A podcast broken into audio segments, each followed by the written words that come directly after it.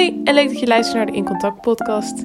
Mijn naam is Pepijne, ik ben student communicatie en informatiewetenschap aan de Universiteit Utrecht. En ik wil graag weten wat ik nou allemaal met de CW kan doen.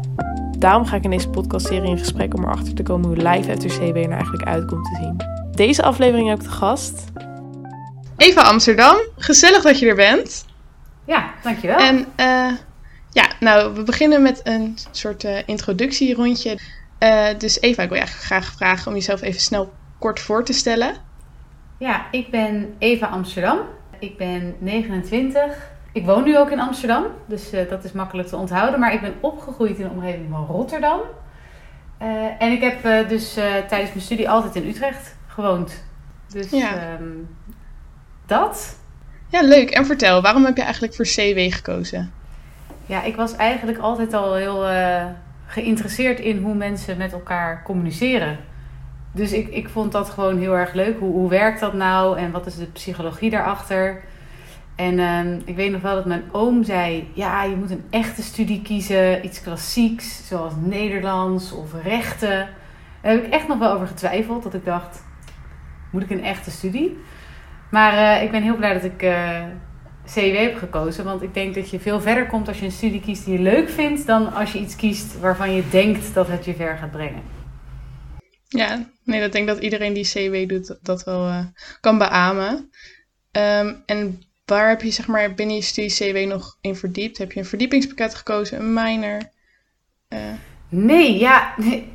ik weet, ik heb dat denk ik, ik heb gewoon alleen maar vakken gekozen altijd die ik leuk vond. Maar ik had niet uiteindelijk een soort een hele minor bij elkaar of zo, van, van één specifieke verdieping. Ik weet wel dat ik later nog dacht, had ik dat nou moeten doen? Maar, en als ik terugkijk had ik wel meer vakken willen doen die ook iets van bedrijfskunde in zich hadden. Toen niet. Ik had bijvoorbeeld een uh, studiegenootje die wist echt, ik wil bedrijfscommunicatie doen. Dus die dacht, ik ga business uh, dingen volgen. En ik dacht, nee, dat, dat lijkt me niet leuk. Maar omdat je wel later in een bedrijf gaat werken, en zeker als je ambitie hebt om ook misschien hogerop in een bedrijf te gaan werken, dan, ja, die bedrijfsachtergrond, die had ik misschien nog wel, uh, die zou ik dan hebben gekozen, denk ik. Heb je het gevoel dat omdat je dat niet hebt gekozen, dat je daar iets hebt gemist? Of uh, heb je het gevoel dat je dat wel met je werkervaring zelf hebt opgedaan? Ja, ik heb denk ik meer het gevoel dat ik dus nooit iets van bedrijfskunde heb gedaan. Ik weet niet of ik er nou daadwerkelijk zo heel veel meer dan van had geweten. Maar uh, nee, je leert het uiteindelijk wel. Je leert een bedrijf kennen. Maar ik denk dat ik gewoon nog wel iets beter de basis van een bedrijf en hoe zit dat in elkaar had willen begrijpen. Ja, ik vind dat zelf inderdaad. Ik merk dat ook altijd. Ik had toevallig met een uh, oud bestuurzitter ook over. En die zei van ja, je ziet gewoon. Um, als je een bestuursjaar hebt gedaan, merk je bijvoorbeeld al bepaalde dingen op die ook in een bedrijf terugkomen. Dus dan. Dat is al een beetje het brugje ertussen. En daar heb jij dus. Je hebt geen bestuursjaar gedaan, maar je bent volgens mij wel actief geweest nog bij SV Contact ook. Ja. Kun je vertellen wat je bij ons nog verder hebt gedaan? Ja, ik zat in de eerstejaarscommissie. Voor mij heette dat zo. Ja, klopt. Het was vooral heel gezellig. Uh, en ik ben ook wel mee geweest um, op, uh, op kamp, zeg maar, als uh, begeleider. En ik heb heel lang in de redactiecommissie gezeten. Dus dat was oh, eigenlijk leuk. mijn vaste commissie waar ik eigenlijk alle jaren volgens mij in heb gezeten. Ik weet nog dat ik met Jasper samen waren wij, ja, hebben we alle jaren erin gezeten. Zelfs toen we volgens mij onze master waren gaan doen. Dus we, ja, we hebben het heel lang volgehouden, maar dat was heel leuk. En waarom had je voor die commissie gekozen? Uh, ja, ik vond schrijven altijd heel leuk. En uh, ik, uh, op de middelbare school deed ik altijd de schoolkrant. En ik had ergens nog wel in mijn hoofd dat ik ooit hoofdredactrice van een tijdschrift wilde worden. Dus je had het wel ook een beetje gekozen met zeg maar in je achterhoofd dat je er misschien later wat nog mee zou kunnen doen? Ja, misschien wel, ja. Ja, ik heb het ook later nog wel op mijn cv laten staan en zo. Maar ik moet zeggen, ik had een soort geen uh, tussendoelstelling. Ik had hoofdredactrice en dat was het. En dan blijkt toch dat dat... je moet ook wel een soort pad daarbinnen nog... Uh, binnen de journalistiek vinden. Dat, dat had ik een beetje over het hoofd gezien. Ja, precies. nou, wie weet komt dat nog. Ja, uh, Oké, okay. maar je zei net al je master. Welke master heb jij gevolgd? Ik heb de master Persuasive Communication gedaan. Aan de UvA. En waar gaat dat een beetje over? Want ik weet zelf niet precies. Ja, het is, um, het is van de Graduate School of Communication uh, aan de Universiteit van Amsterdam. En het gaat ja, over overtuigen. En ehm, dus het is echt een beetje psychologieachtig. Het gaat niet alleen over marketing of verkopen, maar ook hoe overtuig je nou iemand om te stoppen met roken? Hè? Wat zijn de principes daarbinnen? En uh, ik, vond het echt een, ik kan het echt iedereen aanraden. Ik vond het echt een geweldige master. Echt heel veel geleerd en uh, heel leuk onderwerp. Echt een dikke aanrader. Nou, leuk om te horen. En uh, is dat ook iets wat je nu nog steeds in je huidige werk doet? Ja, ik denk dat je het altijd wel in je werk uh, kan gebruiken natuurlijk, overtuiging. Maar ik heb wel ook veel marketingbanen gedaan. En eigenlijk ook in mijn huidige baan zit altijd nog een stuk overtuigen. Hoewel ik, ja, en dat geldt ook voor CW, hoe vaak je echt heel letterlijk dingen uit je studie gebruikt. Dat, uh, ja, ik weet niet of ik moet zeggen, valt tegen. Maar je, je leert gewoon vooral op een bepaalde manier denken en, uh, en zaken ontleden en samenwerken. Maar Nee, de medium is the message bijvoorbeeld komt niet uh, dagelijks voor nu in mijn. Uh... Nee, precies. Ja, want inderdaad, dan ben je klaar, dan heb je je master afgerond en dan begin je met werken. Ik had gezien dat jij begon, begonnen bent bij bol.com. Maar hoe gaat dat dan? Want dan, het lijkt me inderdaad een hele rare switch van heel erg theoretische kennis opdoen naar opeens alles in de praktijk doen. En dan dus niet per se je opgedane kennis toepassen, maar dat je toch een soort van je eigen weg moet vinden. Hoe is dat bij jou gegaan? Ja, ik, uh, ik ben bij bol.com begonnen als stage. Dus dat kan ik ook iedereen van harte aanraden om een stage te doen. Um, en bij mij was het zo, ik, uh, ik heb een half jaar in het buitenland gestudeerd, in Madrid. Ook, vond ik ook heel leuk. Ik heb, ik heb eigenlijk alleen maar leuke dingen gedaan. En toen was ik in Madrid en toen dacht ik, als ik terug ga, dan, uh, dan wil ik een stage doen. Want ik had dus al een half jaar uitloop, zeg maar, van mijn studie. Dus ik um, dacht, nou, dat, dat wil ik wel. Um, en toen uh, ben ik dus bij bol.com, heb ik stage gelopen. En dat vond ik echt super leuk. En heb ik echt zoveel geleerd. En toen heb ik uiteindelijk dat verlengd. Dus ik zou een half jaar stage lopen, maar ik heb daar uiteindelijk ook mijn uh, bachelorscriptie geschreven. Die heb je bij een bedrijf geschreven? Ja, bij bol.com. Maar ik moet zeggen, dat kan ik niet per se aanraden. Ik kan het aanraden om dus een verlengde stage te doen. Dat vond ik heel leuk. Maar ik vond het, het was heel moeilijk om een theoretische uh, scriptie um, ook te laten voldoen aan de wensen van een bedrijf. Ik, heel eerlijk, ik denk niet dat bol.com er veel aan heeft gehad. Dus als nee, en... het was meer dat ze mij wilden houden dan dat ze dat onderzoek gelukkig wilden. Want dat was niet zo goed te verenigen. En hoe, voor, misschien voor de luisteraars die dat niet weten, hoe begint het dan? Want dan moet je scriptie schrijven. En veel mensen doen natuurlijk dan, kiezen een eigen onderwerp, krijgen gewoon een begeleider. Maar je kan dat ook inderdaad bij een bedrijf doen. Uh, maar hoe komt dat dan precies tot stand? Nou, ik, ik heb wel zelf uiteindelijk mijn onderwerp gekozen en, uh, en alles. Maar ik heb dat gewoon geprobeerd ja, te combineren met bol.com. Dus waar heb ik het... Ik moet zelfs nadenken waar ik het over heb gedaan. Het ging volgens mij over het gebruik van Facebook. Ik voel me ook een beetje oud als ik dit onderwerp noem. Volgens mij ging het over de inzet van Facebook voor bedrijven. Uh, dus nou, dan keek ik onder andere naar welke functionaliteiten zitten er nou binnen die je als bedrijf kan benutten en een stuk interactie. Maar het was een, een kwalitatief onderzoek. Nee, het, was niet, het is niet het ding binnen CW waar ik nou trots op was. Ik heb het gehaald, maar nee, nee, dat was ja. niet mijn grote ding. Maar ik, die stage, die was wel heel waardevol. Dat was ja. echt, ik raad iedereen aan om een stage te doen. En dan heb je misschien ook al dus een beetje dat tussenstapje tussen opeens overgaan van uh, studeren naar werken, omdat bij je stage zijn, gaan ze er ook van uit dat je alleen nog maar hebt gestudeerd. Ja, dus precies. Ja. Leren ze je gaandeweg, zeg maar, hoe je binnen het bedrijfsleven natuurlijk aan de slag kan. Ja, ik heb daar echt heel veel geleerd. En uh, toen daarna ging ik dus mijn master doen. Dat deed ik dus na mijn, uh, ja, dat jaar bij bol.com, dat ik dus tegelijkertijd met mijn scriptie had gedaan. En toen dacht ik, ja, ik werkte altijd als zingende bediening, namelijk daarvoor, tijdens mijn studententijd. Um, en toen dacht ik, ja, maar ik wil nu eigenlijk iets doen waarbij ik ook mijn communicatiekennis kan inzetten. En toen heb ik dus tijdens mijn master uh, mijn eigen communicatiebedrijfje een soort opgericht. Nou, dat klinkt groter dan het was. Um, maar uh, ik kwam erachter dat sommige dingen voor mij, uh, en ik denk ook voor mensen van CW, heel logisch waren. Hè? Teksten schrijven, social media gebruiken. Nou, nu is dat nog, nog normaler natuurlijk. Maar ik kwam erachter dat er ook bedrijven zijn bij wie dat gewoon helemaal niet in het DNA zit. Dus een schoonmaakbedrijf of een bouwbedrijf. Die echt tegen mij zeiden: Ja, ik weet dat ik iets moet. Ik lig er soms van wakker. Ik weet dat ik iets moet met die website en dat ik social media. Maar ik heb geen idee waar ik moet beginnen. Dus toen ben ik uh, dat soort bedrijven gaan, uh, gaan helpen met social media opzetten en de uh, vindbaarheid van hun website. dus dat heb ik gedaan tijdens mijn master.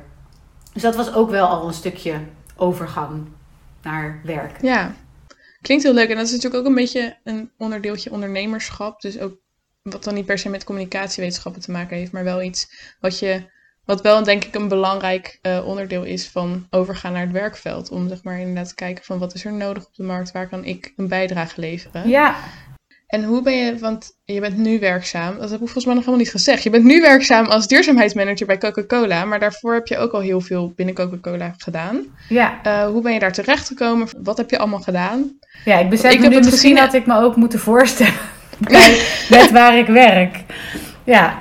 Nou ja, dus misschien ook wel leuk. Dan moeten mensen toch verder luisteren om erachter te komen ja. wat je nou doet. Ja. Maar sorry. Maar vertel. Uh, ja. Um, nou, ik ben begonnen bij uh, Coca-Cola uh, via een traineeship. Dus ik, ik had best wel duidelijk voor ogen dat ik een traineeship wilde doen. Ehm, want ik wist nog niet zo goed wat ik wilde worden. Dus ik... En ook voor even de luisteraar die niet weet wat een traineeship is. Ja, dus een, een traineeship uh, komt er bij veel bedrijven komt dat erop neer dat je meerdere functies gaat uitproberen. Dus het, het is namelijk eigenlijk het idee, het wordt ook bij sommige dingen een Future Leaders programma genoemd. Of uh, het idee is, als je uiteindelijk verder in een bedrijf wil komen, moet je goed alle kanten van het bedrijf kennen. Uh, dus ja, dan zit je in, in meerdere functies achter elkaar. En omdat ik niet wist wat ik wilde, dacht ik dat ga ik doen. En dan kom ik er vanzelf achter wat ik leuk vind. Um, en toen ben ik gaan zoeken op traineeships. Toen kwam ik Coca-Cola tegen. En toen dacht ik eigenlijk... Mm, ah, frisdrank, weet ik niet. maar aan de andere kant dacht ik... waar kan ik meer van marketing en sales leren dan bij Coca-Cola? Dus toen ben ik de, al die rondes ingegaan. Het waren zes rondes en dat was best uh, spannend. En toen werd ik gekozen voor dat traineeship. En toen twijfelde ik nog wel eventjes. Want ik dacht, ja, maar ik wilde toch de wereld verbeteren. Um, en toen moesten we een case, case study doen. En die ging helemaal over hoe ga je mensen overtuigen om beter te recyclen. Welke investering moeten we in de fabriek doen uh, om um, minder CO2 uit te stoten. En toen dacht ik, oh wacht, als ik hier ook maar een klein beetje verandering kan brengen, dan heb ik superveel effect. Dus toen dacht ik, nou, dat, dat wil ik eigenlijk wel. Ja, en toen uh, ben ik dus uh, gestart in dat traineeship. Maar je bent dus inderdaad, je zei al van ik vind duurzaamheid heel leuk, maar voordat je daar was, heb je ook nog heel veel andere uh, functies bekleed. Ja. ja, ik had eigenlijk zelf niet per se verwacht dat ik duurzaamheidsmanager zou worden. Ik denk dat ik eigenlijk niet eens wist dat die functie bestond. Uh, maar ik wist wel altijd dat ik heel graag dus ja, gewoon uh, impact wilde maken. En um, dus ik heb, het was een sales en marketing traineeship. Dus je deed sowieso één jaar in field sales, heet dat dan. Dus dan ging je echt gewoon uh, tien supermarkten op een dag bezoeken. En displays met onze drankjes in verkopen. En um, dat was heel leerzaam, want dat vond ik echt verschrikkelijk. maar dat was dat heel persoonlijk. Want ik vond ik was, was, was gewoon heel eenzaam. Dat ik de hele dag in mijn eentje in die auto zat. Dat ik mijn collega's ja, alleen telefonisch uh, sprak. En ik was altijd bezig met verkopen. Dat is toch anders. Dat, dus ik, heb, ik vond dat verkopen en overtuigen heel leuk. Maar ik kwam erachter van, oh, ik wil echt heel graag in een team werken. Dus toen dacht ik, yes, les 1 heb ik geleerd. En ook, ik hou er heel erg van om met mensen samen te werken. En in sales wil je natuurlijk altijd iets van elkaar. Dus je kan nooit 100% open zijn, want je, je bent altijd ergens naar op zoek. Dus toen dacht ik, oké, ik ben erachter gekomen, sales, dat is niet per se waar ik heen wil. En ik wil in een team werken. Um, toen ging ik uh, marketing doen. En toen ging ik eigenlijk de displays, dus dat zijn zeg maar de stellingen, ja, hoe noem je dat? De kartonnen stellingen waarop die drankjes stonden. Maar ook de winacties, um, dat soort dingen. Die ging ik bedenken. Dus de dingen die ik eerst had verkocht, die ging ik bedenken. Dus dat was wel een hele leuke stap. Uh, daar zat ik in een team, vond ik heel leuk. Het was creatief, dat vond ik ook heel leuk. Dus toen dacht ik, marketing, dat is meer mijn ding. Dus check. En toen daarna ben ik, uh, ja, dat is zo'n functietitel die bij grote bedrijven is, die dan niemand begrijpt. Dat was portfolio manager. Maar wat ik eigenlijk deed, was dat ik uh, voor merken, uh, want Coca-Cola heeft heel veel merken. Um, ik merk dat ik helemaal niet goed Coca-Cola verder introduceer. Maar uh, je hebt dus Coca-Cola heb je van Fanta, Sprite, maar ook Fernandez, Chaudfontaine, Aquarius, Capri Sun. Is Fusty niet ook van En Fusty. Ja. Oh, ja. Dus dat was ook een van de merken waar, waar ik op werkte. En ook met de lancering, dat was echt een van de leukste, leukste merken om op te werken. Ik ben ook zelf wel echt fan. um, maar dat was een baan die was wat. Um, ja, die ging meer over strategie. Dus dat was misschien wel waar ik dan dat stukje business achtergrond uh, had willen hebben. Dat ging heel erg over: oké, we gaan een nieuwe smaak introduceren of een nieuw merk. Um, en dan was ik eigenlijk de projectleider. Dus ik moest naar supply chain, de fabriek. Oké, hoe gaan we dit maken? Naar finance. Hoe ziet de de business case eruit en de profit and loss. Nou, daar had ik nog nooit van gehoord.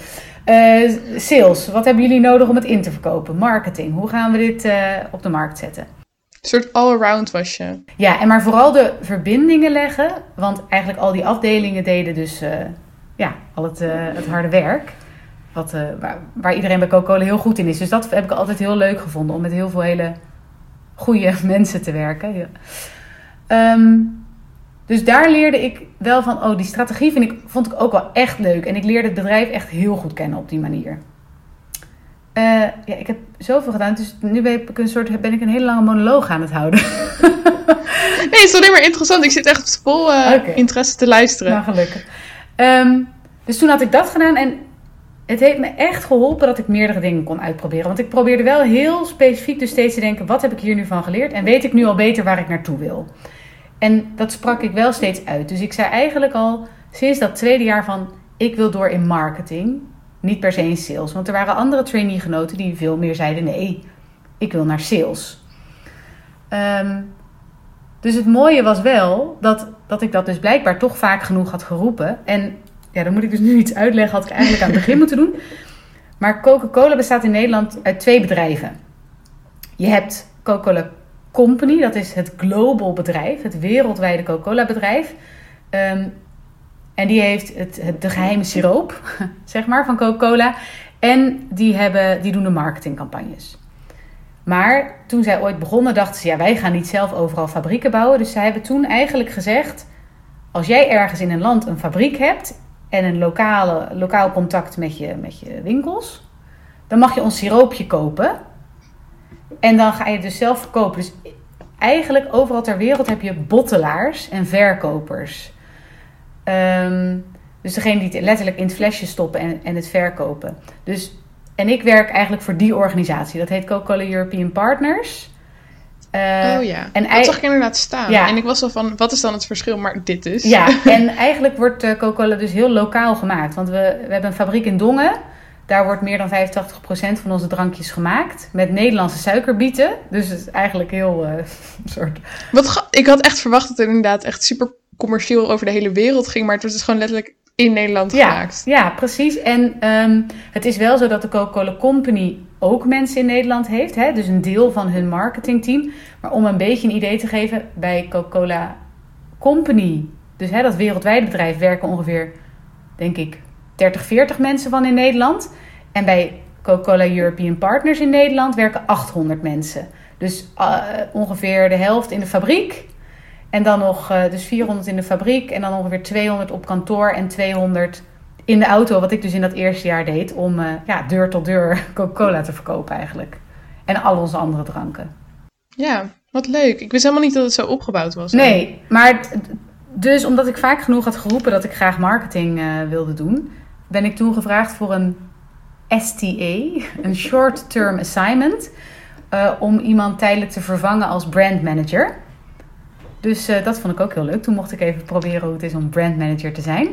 En dat was ik voor um, Coca-Cola Energy. Misschien kende je het nog niet, dus ik kan even reclame maken. Dat is dus een energy drink, maar dan met Coca-Cola smaak. Dus mocht je nou denken, ik heb die energie nodig, maar ik vind die smaak niet lekker dan weet je nu wat je volgende keer moet kopen. um, en dat was ik ook voor Fanta Sprite. En dat was ook heel leuk. Toen toen ging ik weer echt met die marketingcampagnes aan de slag en met allemaal agencies. Dus nou, toen leerde ik dat weer heel erg kennen. En wat is dan vooral je takenpakket als je brandmanager bent? Ehm, ja, ik denk dat het wel verschilt per bedrijf natuurlijk. Um, want in dit geval komt een deel van de strategie komt vanuit uh, Europa.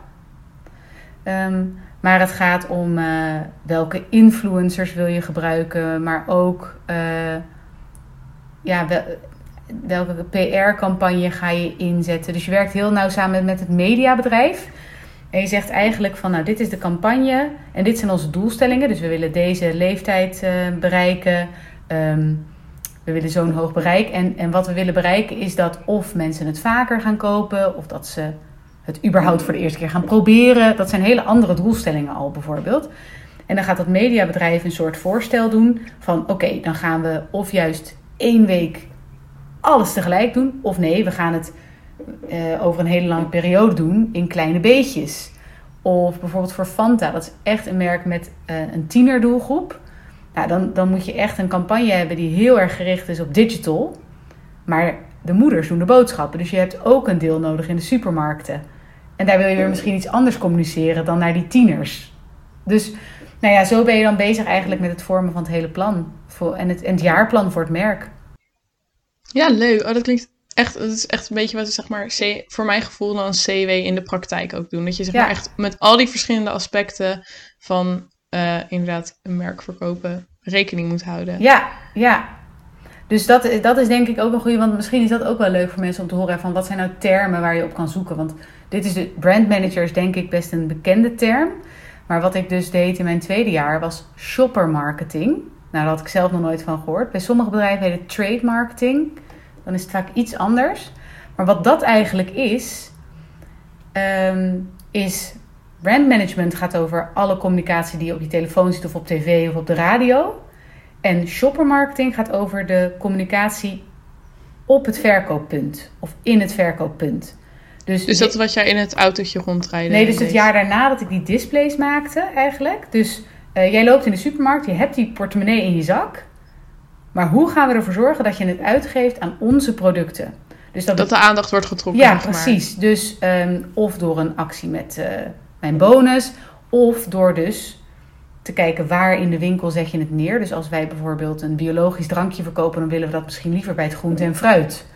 Of welke winactie kunnen we aan Fusty verbinden? Bijvoorbeeld Fusty gaat heel erg over unwinding en hè, rustig worden en thee.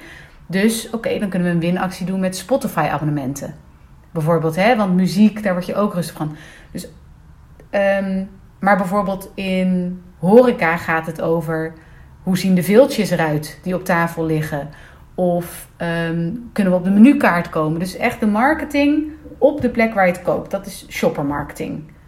Uh, dus als mensen geïnteresseerd zijn in marketing, dan kan je die termen een beetje gebruiken. En wat ik het eerste jaar deed, die sales. Dat, he, dat was in mijn geval heette dat een rayon manager. Maar het eet ook wel eens een field sales representative. Um, ja, dus dan ga je gewoon, dan ben je echt verkoper.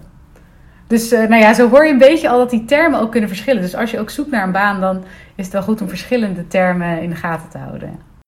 En toch dus grappig, want het kan maar een klein woordje verschil zijn, maar het is dus ook je hele takenpakket verandert eigenlijk ja, compleet. En ik denk ook nog eens dat het dus per bedrijf enorm verschillend is wat, wat het dan betekent om dat te doen. Ja, ik denk dat ook misschien ook de insteek van het bedrijf zeg maar anders is. En net Coca-Cola is vrij commercieel. Ja. Dus dan heb je ook een andere insteek dan als je een non-profit bent of voor de overheid werkt bijvoorbeeld. Zeker, ja. Oké, nou interessant. En nu ben je dus uh, duurzaamheidsmanager. en wat houdt dat in? Wat kun je daar allemaal mee doen? Uh, ik vind het, wij zijn toevallig ook dit jaar heel erg bezig met duurzaamheid binnen onze vereniging doorvoeren. Dus wat leuk. Dat komt helemaal goed met ons beleidsplan overeen.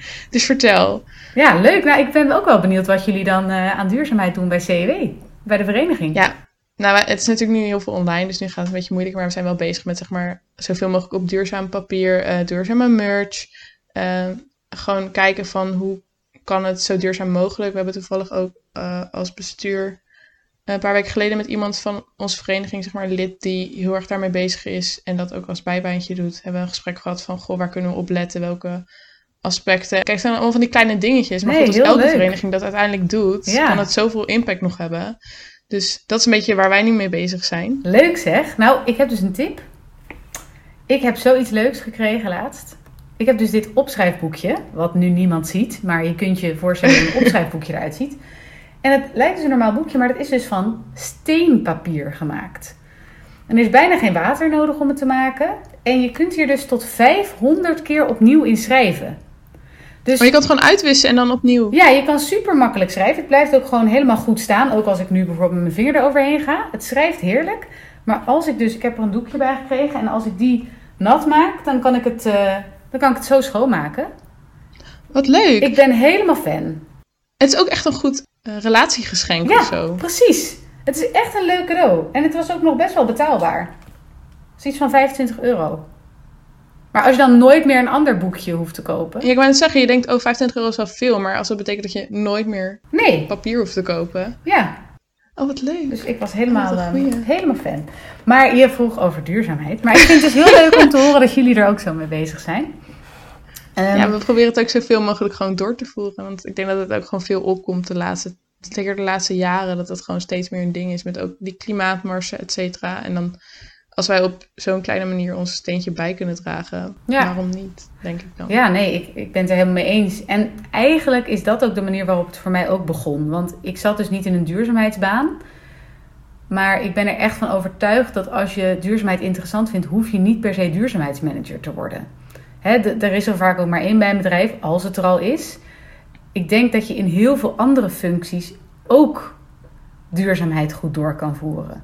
Dus bijvoorbeeld toen ik dus als shoppermarketeer werkte, heb ik meegewerkt aan het project waarbij we deels onze kartonnen displays vervingen door houten displays die konden worden hergebruikt. Toen ik uh, werkte als portfolio manager, werkte ik ook aan projecten bijvoorbeeld met de Linda Foundation. Van, um, we deden namelijk soms van die acties dat je je geld terug kon krijgen. Uh, dan um, kocht je een product, maar als je dan een foto maakte van je bonnetje, kreeg je je geld terug. Maar voor het biologische merk dat we toen hadden, Honest, had ik dan gedaan uh, dat als je een tikkie deed, die tikkie kreeg je niet zelf terug, maar die ging naar de Linda Foundation. Omdat, ja, oké, wat is, wat is 1,50 voor ons? Maar voor sommige mensen is dat dan. Nou ja, dus ik was altijd wel bezig in de andere functies die ik deed. Uh, om bezig te zijn met, met impact maken. En um, bijvoorbeeld, ik, ik werkte in het horecakanaal. En die uh, flesjes die worden tot 27 keer opnieuw gebruikt. Die glazen flesjes. Dus dat is echt heel duurzaam. Maar als iemand er kauwgom in doet of sigaretten, dan wordt het veel moeilijker om ze her te gebruiken. Nou ja, ik vond het best interessant. Van oké, hoeveel mensen doen dat dan? Kunnen we dan een campagne voeren om mensen bij te brengen dat dat dan hè, zoveel impact heeft? Dus ik was er altijd wel mee bezig. En ik denk, wat mijn grote tip is, um, is om gewoon dus continu uit te spreken wat je zoekt um, als vervolgstap. En je zult, ook, je zult er echt gek van worden als je begint met werken. Gaat elke manager je vragen: waar wil je over vijf jaar zijn? En ook in alle sollicitaties trouwens. Waar wil je over vijf jaar zijn? Waar wil je over tien jaar zijn? Terwijl je misschien nog helemaal geen idee hebt, zoals ik. Maar zeg, je komt net van CW, je bent net klaar. Je denkt: oh my god, er is zoveel te doen. Ik had waar geen, moet ik beginnen? Echt, ik had geen idee. Maar wat ik heb geleerd is: je hoeft niet een baan te noemen. Want weet jij veel? Je weet niet eens hoe die banen heten. Misschien tegen over vijf jaar bestaat die baan misschien helemaal niet meer. Maar je kunt wel zeggen welke, welke dingen of welke aspecten van een baan je zoekt. Dus ik wist al vrij snel, ik wil in een team werken. Ik wil meer marketing, communicatie dan sales en verkoop. En ik wil graag impact maken. Ik wil gewoon iets goeds doen voor de wereld. Um, dus toevallig had ik, um, ik werkte toen voor het horecateam, dus ik heb, ik heb best wel veel banen gedaan. Um, en toen zei ik dat tegen mijn manager en zei nou, misschien moet je weer eens met onze marketingdirecteur gaan praten en met onze HR-directrice. En um, gewoon even zeggen waar je naartoe wilt. Dus ik ging daar naartoe en ik, uh, ik zei, nou, ik, ik wil uh, graag stappen maken, want ik ben ambitieus. En dit is echt, ik heb voor de spiegel moeten oefenen om het over mijn lippen te krijgen. Maar ik zei, ja, ik wil uiteindelijk gewoon graag een directiepositie. Dus ja, ik, ik wil graag stappen maken. Nou, geloof me, ik, ik, nou, ik kreeg het echt bijna niet over mijn lippen. Maar toen ik mijn traineeship begon, begon ik met een, uh, met een jongen. En die zei vanaf moment één, ik wil uiteindelijk CEO worden van een bedrijf. En ik dacht echt, hoe durf je dat te zeggen? wij kunnen nog niks. Weet je wel, hoe... Ik dacht echt, mensen gaan me uitlachen als ik dat zeg. Maar ik zag ook in de jaren daarna. Stel jij bent een, manager en je moet kiezen, je moet iemand een promotie geven. En die ene zegt altijd: Ik wil echt in de top van dit bedrijf komen. En de ander zegt: Ja, ik ben wel ambitieus, ik wil wel ooit leiding geven. Ja, wie van de, wie van de twee zit er dan eerder in je hoofd als je denkt aan een promotie? Stiekem is dat toch degene van wie je weet die dan nog heel veel stappen gaan maken. Dus ik heb echt voor de spiegel moeten oefenen. Maar nu probeer ik het dus uit te spreken. En blijkbaar als je dat dan zegt, lacht dus ook niemand je uit. Dat is ook heel... Ze knikken gewoon zo van, oh ja, ja oké. Nou, dus... Dat heb ik geleerd. Duurde wel eventjes. Ze zeggen ook uh, soms dat vrouwen daar meer last van hebben, maar dat heet het imposter syndrome. Ken je dat? Heb ik wel van gehoord, inderdaad. Ja, dat je, het is een beetje feeling like a fraud. Dat je dus het gevoel hebt van iemand gaat erachter komen dat ik dit helemaal niet kan. Nou ja, dat dus. Dat je denkt, ja, ik bluff mezelf hier doorheen. Maar ja, dat schijnt vaker voor te komen. Ehm, maar in ieder geval, dus ik, ik ging terug en ik, uh, ik zei: Ik wil graag stappen maken. Ik wil heel graag impact maken. Dus of op het gebied van duurzaamheid, of in ieder geval goed doen. Dus als je dat soort projecten hebt, ook al is het van een andere afdeling, laat mij er alsjeblieft op meewerken. En ik wil graag internationaal nog ooit werken. Dus ik zou graag nog in het buitenland werken. En toen ehm, had ik dat dus uh, gezegd tegen de marketingdirecteur, tegen de HR-directrice. En toen kreeg ik ehm, een paar weken later een appje van... Uh, heb je gehoord dat onze sustainability manager weggaat? Van, van de marketingdirecteur. En die zei, ja, jij hebt dit laatst verteld. Dit, dit klinkt eigenlijk wel als iets voor jou. Zou je het leuk vinden? Nou, ik dacht echt, ik kreeg helemaal vlinders in mijn buik. Ik dacht echt, ja, dit is echt precies wat ik... Ik had niet eens over die functie nagedacht, want zij zat daar al zes jaar. Dus ja, dan ga je niet denken, ik wil precies die ene baan. Maar ik dacht, nou, dit is echt perfect. Dus nou, ik probeerde het heel cool natuurlijk. Uh, ja hoor, lijkt me wel wat. En toen heb ik me heel goed uh, voorbereid. En toen heb ik gelukkig uh, de baan gekregen. Dus toen was ik heel erg blij.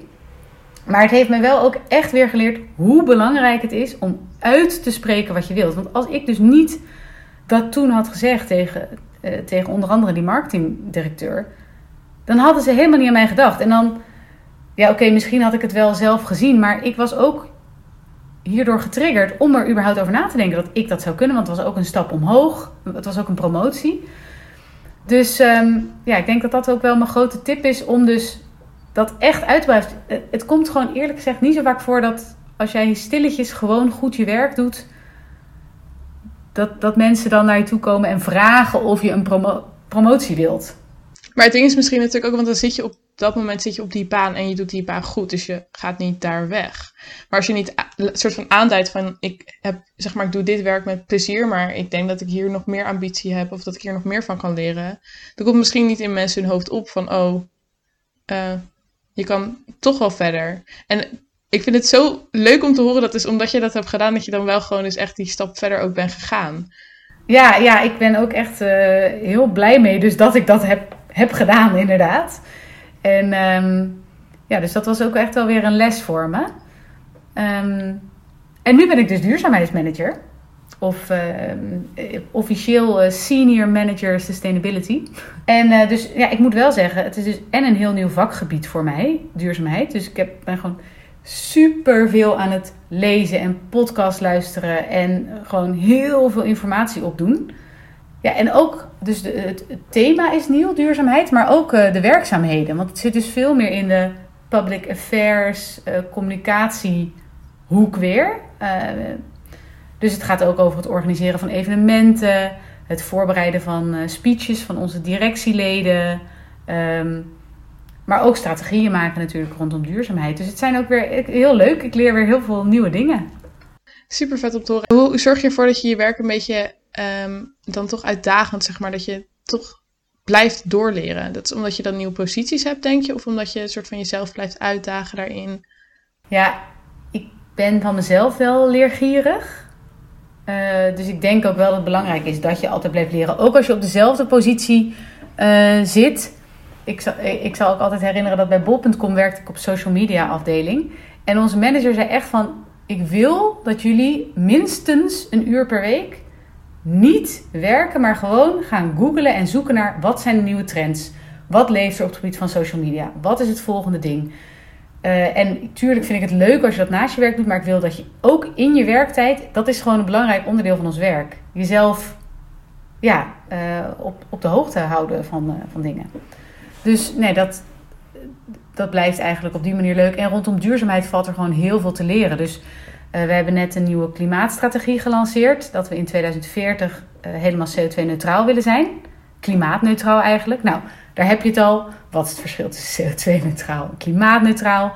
Binnen klimaatneutraal heb je bijvoorbeeld scope 1, 2 en 3. Dus dat gaat over je directe uitstoot, maar ook over je indirecte uitstoot. Dus de ingrediënten die wij inkopen, de verpakkingen die wij inkopen, dat is niet onze directe uitstoot. Nou, dat leer ik dus bijvoorbeeld allemaal over klimaat.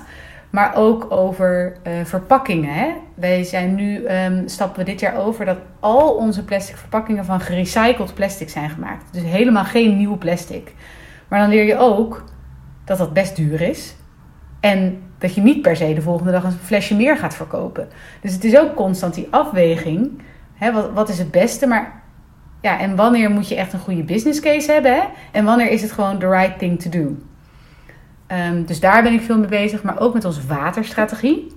Water ja, is eigenlijk heel schaars, zoet water in ieder geval. En wij gebruiken het natuurlijk, want het is gewoon een onderdeel van onze drankjes. Het is een ingrediënt. Maar waar wij onze andere ingrediënten kopen, is water gebruikt. Een recht, hè, dat je water mag gebruiken.